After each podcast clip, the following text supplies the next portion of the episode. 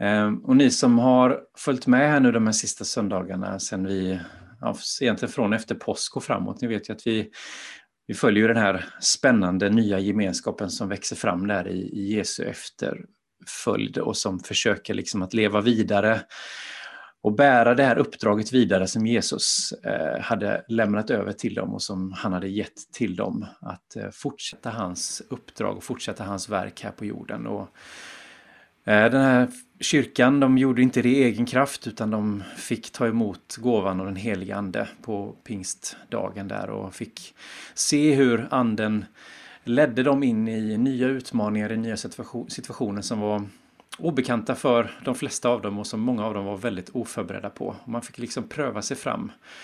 Och ehm, jag tycker det är spännande när man läser de här texterna se hur mycket det är som liksom, ja men det är lite det här man kallar för trial and error. Man prövar någonting och märker att det fungerar. Um, och så möter man liksom motgångar, ja, men då får man ta en annan inriktning. Att det liksom var, det var ingen, eh, liksom, det var ingen tydlig eh, riktning från punkt A till punkt B och så liksom var det flöt det på utan det var man kryssade fram och tillbaka lite grann och man fick eh, anpassa sig efter nya omständigheter och nya utmaningar hela tiden.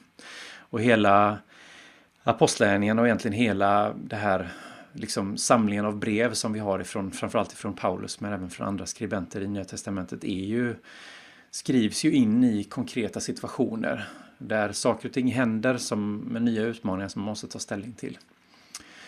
Um, och jag har tänkt nu, nu har vi läst, nu läste vi från Galaterbrevet förra söndagen och vi ska fortsätta i Galaterbrevet denna söndagen. Och, um, jag känner för egen del att den här, det har liksom, för mig har detta varit en, en personligen en, en, eh, lite så här aha-upplevelse att få läsa de här texterna på, på nytt. Det blir ofta så när man läser de här texterna om och om igen att det liksom, man, man liksom man vet, man vet så att säga inom citationstecken vad de här texterna handlar om och vad det betyder. Men eh, jag känner att jag för egen del har fått ett litet nytt ljus över den här texten, att det har liksom fått tala till mig på ett speciellt sätt och jag hoppas att det, ni känner det med, att det här ska vara någonting som eh, kan få tala till oss på nytt, att bibelordet kan få bli det här eh, liksom, eh, färska och levande ordet på något sätt som, som talar till oss mitt in i vår situation, mitt i vår vardag. Att vi får skakas om lite i om vi har om vi känner liksom att det har stelnat till för oss och ordet har liksom eh, kanske tappat den här eh, dynamiska kraften, att vi ska få känna att vi får läsa de här texterna på ett nytt sätt och uppleva hur de talar till oss på ett nytt och levande sätt till oss. Um, och ehm, för mig, jag säger inte det med, med liksom bara som en, eh, jaha nu har jag liksom en ny tolkning eller en ny nytt sätt utan jag försöker liksom när jag förbereder en predikan, det blir liksom lite personligt om processen här men jag försöker av principskäl inte liksom om jag prövar en ny tanke så är det inte, tycker inte jag kanske för egen del att eh, predikan är rätt ställe att slänga ut en helt oprövad tanke och, och liksom bara sådär, ja, här slänger jag ut någonting som jag inte har tänkt igenom själv eller eh, liksom, ja, bara pröva någonting och så hör någon det och blir alldeles förvirrad och så är det liksom bara någonting som jag har slängt ut som en liksom, eh, ja, plötslig grej som poppar upp i huvudet utan jag vill gärna ha tänkt igenom och känna att jag har, eh, jag har liksom på fötterna för det jag säger att det är genomtänkt i alla fall för det, genomtänkt både i bemärkelsen att jag har tänkt igenom det, men också att jag har tänkt igenom, alltså att jag har fått passera igenom mitt tankesystem, om ni förstår vad jag menar, och kommit ut som en slags så här färdig tanke. Att inte bara liksom slänga ut nya oprövade saker. Um, och därför har det varit väldigt spännande att känna liksom att de här texterna har fått nytt liv på ett speciellt sätt och, och um, känner jag har blivit uh, särskilt meningsfulla för, för min del. Men uh, vi ska uh, in i den här söndagens text och vi ska fortsätta i Galaterbrevet kapitel 3 idag. Och för er som inte var med förra söndagen, nu är det så de här andakterna när vi pratar kring texten lite mer under mer eh, lediga former, de spelar vi inte in och lägger ut, så missar man den söndagen så då har man verkligen missat någonting. Men ehm, så därför kommer det bara en liten sammanfattning bara så ni mm, liksom har koll på vart vi befinner oss. Ehm, vi läste från Galaterbrevet 2 och vi har varit några söndagar i Apostlagärningarna och vi har fått följa den här första församlingens spännande utveckling och färd genom segrar och nederlag. Och i kapitel 2 där så läste vi en passage som eh, har ju fått, kanske är ganska känd då, då för att det är ju Paulus som för all tid och evighet hängde ut sin apostakollega Petrus och anklagade honom för hyckleri. Um, och ni vet när, man, när det är så här debatter eller man hör grejer, eh, folk som säger saker i, i media idag så eh, tänker jag att den som har sagt det, den kan ju alltid trösta sig med att ja, ge det här några dagar eller några veckor så har det blåst över. Så är det någon ny skandal eller något nytt tjafs som, som har tagit dess plats. Men stackars Petrus här, han har ju fått hänga med i den här, de här bibeltexterna i 2000 år som den här hycklaren som, som liksom gärna ville vara kompis med alla och, och se bra ut inför alla grupper och så vidare. Men men, nu är det som det vi får tänka att eh, han, han kanske ändå kan se tillbaka på den här episoden och känna att ja, ja, det var, jag, fick, jag fick ta den här smällen men förhoppningsvis så, så ledde det också till någonting positivt. Um, Eh, men att gå till rätta offentligt med någon på det sättet som Paulus gör, att han skriver om det i ett brev liksom som blir offentligt och som man kan tänka sig sprids i många sammanhang. Det är ju liksom ehm, det, får vara väldigt, en väldigt allvarlig situation. Eh, och Paulus är så otroligt mån om att verkligen stämma i, i bäcken här. Eh, därför att det är en situation som annars kanske riskerar att underminera väldigt mycket av det goda arbete som man har genomfört och mycket av det som man har kämpat för fram till, fram till dess. Um, och Petrus, det han gjorde, om det nu var medvetet eller omedvetet, om han bara var rädd för vad folk skulle tycka och tänka, men många av oss kan väl känna igen oss att vi ibland, man ibland kan känna att varför gjorde jag så? Nej, det var ju bara för att den personen skulle tycka bra om mig eller att jag skulle få lite beröm av den här personen.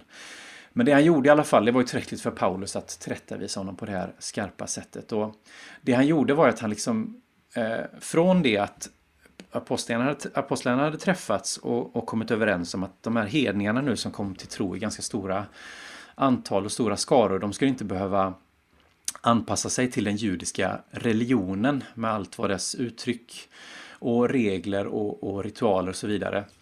Eh, de skulle inte behöva göra det, men det Petrus gjorde var att han liksom svängde tillbaka mot det här judaismen då liksom. Och i den rörelsen också riskerade att underminera det som arbete som både han själv och Paulus tillsammans med de andra hade påbörjat genom att liksom, hitta ett sätt att få de här grupperna och kulturerna att funka tillsammans. Judarna å sin sida och de här grekiska hedningarna å sin sida. Och det eh, Petrus gjorde var ju då att han började liksom gå tillbaka till de här, eh, det vi kallar för de här liksom markörerna eller gränserna eh, som de här beteendena som eh, innebar att man skulle hålla lagen då enligt, enligt de judiska traditionerna. Och att dessa helt plötsligt då blev gränser som markerade vem som var utanför och innanför. Att helt plötsligt så var judarna liksom den här inneklicken och hedningarna var inte riktigt med för de höll inte de här reglerna. Um, för lagen och allt det som hörde till den, när vi pratar om lagen så menar vi ju allt det som Mose, Moseböckerna talar om. Alla föreskrifter, alla förbud, alla påbud, alla regler, alla högtider man skulle fira och så vidare. Det var ju inte och här är det viktigt att ha med sig det. Det var ju inte ett sätt som judarna, liksom, om ni håller alla de här sakerna så förtjänar ni Guds nåd eller förtjänar ni Guds gillande. Utan Gud hade ju redan utvalt vi läser ju detta, hela Gamla Testamentet är ju en berättelse om det här utväljandet av en, en, en man, en familj, en stam och ett folk. Och Gud har slutit förbund med dem och Gud har välsignat dem. Och det är ju Guds nåd alltsammans detta. Utväljandet är ju från Guds sida. Det är Guds initiativ hela tiden. Och allt igenom Israels historia så är det ju en part i det här förbundet som hela tiden är trofast. Och det är Gud själv. Den här lagen Israel håller ju inte den här lagen perfekt. De vänder ju ryggen till Gud gång efter annan. Men Gud är alltid trofast. Gud är alltid nådefull. Gud förskjuter inte sitt folk. Så den här tanken att judisk tro då skulle vara att ja, men Guds nåd bygger på att man håller de här laggärningarna. Eh, att inte, som om inte Gud var nådefull först då, utan att Gud blir nådefull först när Jesus anländer. Det är ju liksom inte en korrekt bild. Jag vill bara liksom klarlägga det direkt här. att det är, det är ju inte så att vi liksom, någonting händer när Jesus dyker upp. Helt plötsligt så, är, så visar sig att Gud är nådefull. Utan Gud har varit nådefull genom alla tider mot sitt folk. Men det nådefulla agerandet som Gud, med Guds initiativ, när Gud utväljer och Gud liksom välsignar sitt folk. Det ger också ett, ställer också en slags krav eller påbjuder ett, ett gensvar om att eh, ett gensvar som Gud ber Israel om att Eh, det, han, det Gud ber Israel göra är att hålla det förbundet och de här lagarna som Gud har gett dem. Att, att hålla lagen, alltså de här laggärningarna som Paulus pratar om, det är alltså ett gensvar. Det är ett sätt att visa på att ja, vi tillhör det här folket, vi tillhör Gud. Det är ett sätt att uttrycka att vi, är, vi hör till Gud, Gud är nådefull, har räddat oss och som gensvar så håller vi oss innanför de här gränserna. Liksom. Det är vårt sätt, det är vår, vår sida av förbundet på något sätt. Um, men då kommer den här frågan då, kanske någon redan har tänkt den här tanken, eller så har ni inte gjort det, men nu gör ni det i alla fall när jag ställer den här frågan. Men om Guds nåd redan hade uppenbarats för judarna i Gamla Testamentet, vad är det vi ska ha Jesus till då? Varför behövs Jesus som Gud redan är nådefull? Om lagen inte är liksom någonting som vi ska hålla för att förtjäna Guds nåd, varför behövs Jesus då? Vi kan väl läsa från Galaterbrevet 3 så ser vi om vi kan eh, klura ut detta lite grann. Så här skriver Paulus från vers 1. Vilka dårar ni är, ni galater! Vem har förhäxat er? Ni har ju fått Jesus Kristus framställd för era ögon som korsfäst. Svara mig på en enda sak. Var det genom att fullgöra lagen som ni fick anden eller genom att tro på vad ni fick höra? Hur kan ni vara sådana dårar? Ska det som för er började med anden nu sluta med köttet? Har allt ni varit med om varit förgäves? Det kan inte ha varit förgäves.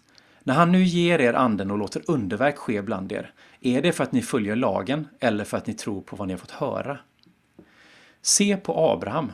Han trodde på Gud och därför räknades han som rättfärdig. Ni ska alltså veta att de som tror, de är söner till Abraham. Skriften förutsåg att Gud skulle göra hedningarna rättfärdigare på grund av deras tro och därför lät den redan Abraham få budskapet. Alla folk skall bli välsignade genom dig. Alltså blir alla som tror välsignade tillsammans med Abraham som trodde. Vi ska läsa några fler versar om en liten stund, men vi börjar där. Det var vers 1-9 i kapitel 3 där. Um,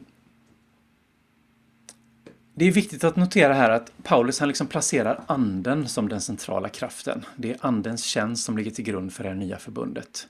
Anden är den som utökar och som fullbordar förbundet i och genom Jesus Kristus. Och förra söndagen när vi läste från Galaterbrevet 2 så nämndes det ju, var det någon som sa när vi pratade eh, om de här verserna att eh, Paulus kan ju inte mena att vi inte ska göra goda gärningar, eller vad menar han med det? Han pratar om de här laggärningarna som att det skulle vara någonting liksom negativt. Är det, är, det, är det det det handlar om? Det kan ju inte vara det som är meningen. Um, men jag tror att vi blandar ihop begreppen här, för de goda gärningarna, det uppmanar Paulus till. Han återkommer till och med till, till det senare i Galaterbrevet, att vi ska liksom leva efter det här som den här kallelsen vi har fått nu. Vi ska leva och vi ska leva gott och vi ska göra goda gärningar. Det finns liksom ett, ett krav på hur vi ska leva. Det är inte bara så att ha, nu har ni fått nåden, nu är det liksom fritt fram att göra vad ni vill. Och vi har till exempel det här Jakobsbrevet som Martin Luther var så irriterad på, det centrala temat att Visa mig dina, din tro utan gärningar ska visa min tro med mina gärningar. Alltså att tron utan gärningar är död. Tron som inte får konsekvenser i hur vi lever är inte en, en sann tro. Eh, pratar Jakob om och Paulus är ju inne på detta hela tiden också. Eh, men de här goda gärningarna, det handlar ju inte om, det handlar om att vi inte ska kunna förtjäna någonting genom att leva på ett visst sätt. Vi förtjänar inte nåden genom att leva på ett visst sätt. Um, men jag tror att i våran rädsla för att vi ska hamna i en slags gärningslära eh, om att liksom, ja nej men det får ju absolut inte vara gärningarna som räddar, det är ju bara nåden, det är ju Jesus som gör alltihop, eller hur? Lätt att man kanske slänger ut det här barnet med badvatten, särskilt om vi blandar ihop det som Paulus pratar om när han pratar om laggärningar med, med det här med att vi faktiskt ska göra gott och leva på rätt sätt, om man säger så. För det Paulus menar när han pratar om laggärningar i de här verserna och också det som kommer i några verser som vi ska läsa om alldeles strax här, det är att nämligen just det som vi pratade om förra gången, det är de här eh, gränsmarkörerna, de här eh, yttre attributen, de här företeelserna, de här beteendena, ritualerna, reglerna, lagarna, föreskrifterna, högtiderna och så vidare. Det är alltså den judiska religionen med alla dess regler och påbud. Som alltså är den funktionen som lagen hade, den funktion som lagen hade när, eh, när det gäller att liksom markera att man tillhör det judiska folket. Och ehm, för hur man alltså som jude skulle leva trofast i gensvar på Guds nåd och på Guds kallelse. Så Paulus han menar inte att förringa detta. Han säger inte att det spelar, det spelar ingen roll längre, men han vill peka på att men nu har lagen fått sin fullbordan i Kristus. Um, uh, från att liksom ha varit ett förbund som är under utveckling, det går lite fram och tillbaka och det är lite si och så med hur, hur man håller sin sida av förbundet och så vidare, så har vi nu fått ett förbund som är för evigt fullbordat genom Jesus Kristus. Och de här orden som Paulus säger när han säger ehm, Ska ni alltså, ska det alltså sluta med köttet för er? Ni som började så bra, liksom. Ehm, ska det som för er började med anden nu sluta med köttet? Ordagrant så, så betyder de orden eh, Ska, ska det som började med anden, ska det fullkomnas eller full, fullbordas av köttet? Alltså poängen är att lagen kan inte göra oss fullkomliga. Det var aldrig poängen med det. Lagen skulle vägleda oss, lagen skulle skydda oss. Lagen skulle peka oss mot den som kan göra oss hela, den som kan fullborda oss. Jesus Kristus. Lagens fullkomnare är Jesus Kristus genom anden och anden är också den som nu skriver lagen i våra hjärtan. Ni vet de här orden från Jeremia, att vi ska få um, liksom ett, ett hjärta av kött och han ska skriva liksom sina ord, han ska skriva sin lag i våra, våra hjärtan. Nu behöver vi inte massa yttre eh, markörer liksom i form av laggärningar. Vi behöver inte någonting som identifierar oss utåt sett. Eh, utan nu är vi märkta av Gud själv. Nu ger han er anden och han låter underverk ske ibland er. Eller som man också kan översätta, han låter underverk ske i er. Alltså Gud gör någonting i oss genom anden. Gud ger oss eh, av sin tro, Gud, som Gud själv skapar i oss, och den tro som vi också får leva i. Och den blir våran liksom, markör. Den blir det som visar vem vi tillhör. Vi tror och bekänner vår tro på Jesus Kristus.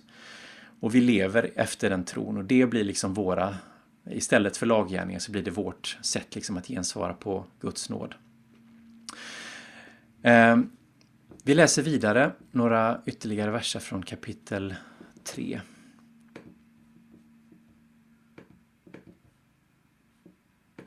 Så. Innan tron kom hölls vi under uppsikt med lagen över oss tills tron skulle uppenbaras. Så har alltså lagen varit våran övervakare tills Kristus kom, för att vi skulle göras rättfärdiga genom tron. Men nu när tron är här har vi inte längre någon övervakare. Alla är ni nämligen genom tron Guds söner i Kristus Jesus. Är ni döpta in i Kristus har ni också iklätt er Kristus. Nu är ingen längre jude eller grek, slav eller fri, man eller kvinna. Alla är ni ett i Kristus Jesus. Men om ni tillhör Kristus är ni också avkomlingar till Abraham och arvtagare enligt löftet. Och den här texten då, dels så, så visar den ju då liksom lagen som en tillfällig process. Paulus kallar lagen för en övervakare. Det grekiska ordet är en pedagog, så tänk att det är som en, ja, som en, eh, vilka har vi här? Nej men Marie är inte här, det är som en Marie Oskarsson, en, en förskollärare som ser till att vi liksom, vi sköter oss och gör det vi, gör det vi ska. Liksom. Den som håller koll på oss tills dessa tron skulle uppenbaras. Så lagen, den är inte en den var inte tänkt att ha den här uppgiften för evigt. Den höll oss på banan helt enkelt. Den såg till att vi höll oss innanför ramarna, såg till att vi inte gled ut i kaos, i synd och död. Vi hölls under uppsikt. Vi blev bevakade av den helt enkelt. Men i sig själv så kunde den inte fullborda oss. Och som Paulus säger, om vi är döpta in i Kristus så har vi också iklätt oss Kristus. Och vi är också avkomlingar till Abraham och vi är arvtagare enligt löfte. Så de här förbunden liksom går i varandra. Det som Gud började, det förbundet, det får nu sin fullkomning i Jesus Kristus. Och genom Jesus så har vi också del i detta förbundet. Nu är vi också avkomlingar till Abraham. Och vi är arvtagare till det löftet. Att bli den välsignelse som Abraham fick del av. Och det här orden när vi är i Kristus, det är ju ett av Paulus favorituttryck. Att, att vi är i Kristus, vi är iklädda Kristus. Och när vi är iklädda Kristus, då är det också något annat som händer, för då är vi inte längre självständiga liksom, individer i negativ bemärkelse då.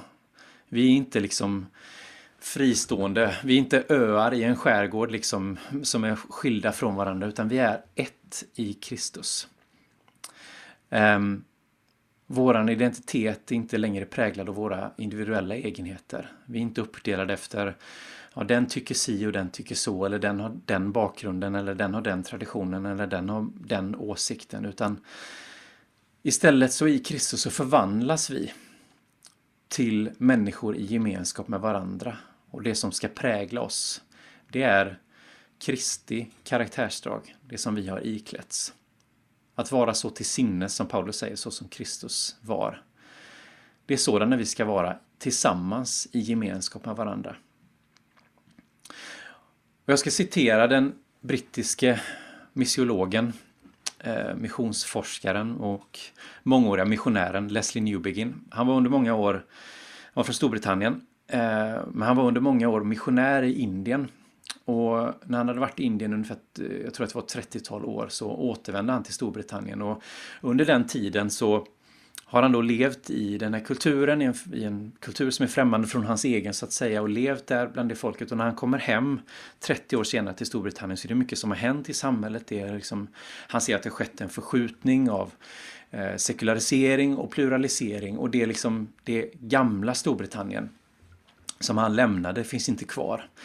Och han, han sörjer inte det, han liksom pratar inte negativt om det, men han, det, det det gör i alla fall att han, hans möte med andra kulturer och sen komma tillbaka till, sin, till sitt hemland har gett honom ett unikt, unikt perspektiv. Och han, han skrev, skrivit flera böcker om, om det här och liksom utifrån ett missionsperspektiv och se hur vi... Han menar liksom att den kristna kyrkan måste liksom få en ny identitet. Från att vara liksom en institution till att bli en, en rörelse. Att, att ha sin identitet som en missionsrörelse istället för som en liksom, institution. Och han sa, här citerar jag från en av hans, hans böcker, han sa församlingen är kallad att vara ett tecken på, ett redskap för och en försmak av Guds frälsande nåd för hela samhället som vi bryter ner i tre, tre, ut, tre satser här då. Så församlingen så kallad att vara ett tecken på Guds frälsande nåd för hela samhället. Och där har vi det här tecknet, det här yttre, liksom som Paulus pratar om, att låta den här tron att våra liv, vår tro uttryckt i handling, vår tro konkretiserad i vår gemenskap eh, ska få ett tecken på Guds frälsande nåd. Att när vi då, som Paulus säger i Galaterbrevet 3 och 28, att nu är vi inte längre jude eller grek, slav eller fri, man eller kvinna, utan nu är vi alla ett i Kristus Jesus. Att när vi lever på det sättet, som gemenskap, då är vi ett tecken på Guds frälsande nåd för hela samhället. Då kan hela samhället se på oss och se att just det, så där kan man leva. Man kan leva i harmoni med varandra. Man kan leva tillsammans trots att man är olika. Man kan leva tillsammans trots att man tycker olika. Trots att man har olika åsikter, olika bakgrund, olika kulturer. Så kan vi leva tillsammans. Vi kan också ha ett redskap för det. Därför att när vi lever på det sättet så blir vi också en, ett, ett tecken, vi blir ett budskap för eh, resten av samhället. Vår, våra liv blir ett vittnesbörd. Och vi kan genom att leva i enlighet med det vittnesbördet, trofasta den kallelsen som vi har fått, kan vi också få ett redskap för Guds frälsande nåd. Vi kan få förmedla den nåden vidare till en värld som behöver få ta del av den också, få smaka på den nåden. Och vi kan också vara en försmak av Guds frälsande nåd, därför att vi som kyrka, på samma sätt som Israels folk, en av de, en av de sakerna som, som eh, Gud fick gå till rätta med Israels folk gång efter annan i Gamla Testamentet var just den här tanken att Liksom när man blev lite självgod, när man blev lite, man, man blev liksom lite eh, bekväm i sitt privilegium, där man såg sin välsignelse som någonting självklart, som någonting givet. Som någonting som, det här är vårat och därför är vi lite bättre än alla andra. Vi är lite för mer än alla andra.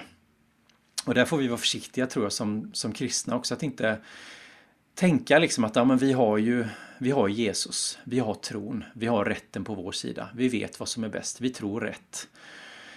Att inte liksom fastna i det utan se liksom att de, Jesus fick gå till rätta med fariseerna på, på, på sin tid. Liksom. Gud kan uppväcka barn till Abraham genom att liksom väcka stenar till liv. Vi kan inte sitta på i någon slags privilegium och tänka att ja, ja, eh, det spelar inte så stor roll vad som händer utanför vår kyrkas väggar därför att vi har i alla fall vårt på det torra utan att vi är ödmjuka inför det. Därför att vår kallelse är att vara en försmak av det som Gud har tänkt för hela mänskligheten. Det som vi är som en liten gemenskap. På samma sätt som Israel fick vara liksom en försmak av det Gud skulle göra med hela mänskligheten när hedningarna fick ansluta. Det är vi idag kallade att vara för hela mänskligheten. Det, vi, det sätt som vi lever är en utmaning, är en kallelse, kan få vara ett budskap och en försmak av vad Gud har tänkt för hela mänskligheten i slutändan. Vi är liksom, kan få vara en smak av himmelriket när vi lever på det sättet. Och det här är ju en otrolig utmaning för oss, både som gemenskap men också är det en utmaning för oss. Jag menar, om detta är kallelsen för oss, men om detta också är tanken för hela mänskligheten.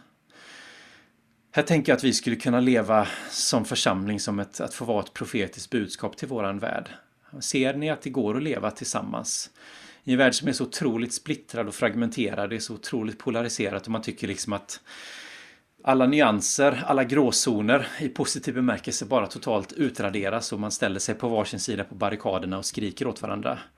Det blir liksom mer och mer svartvitt i samhället.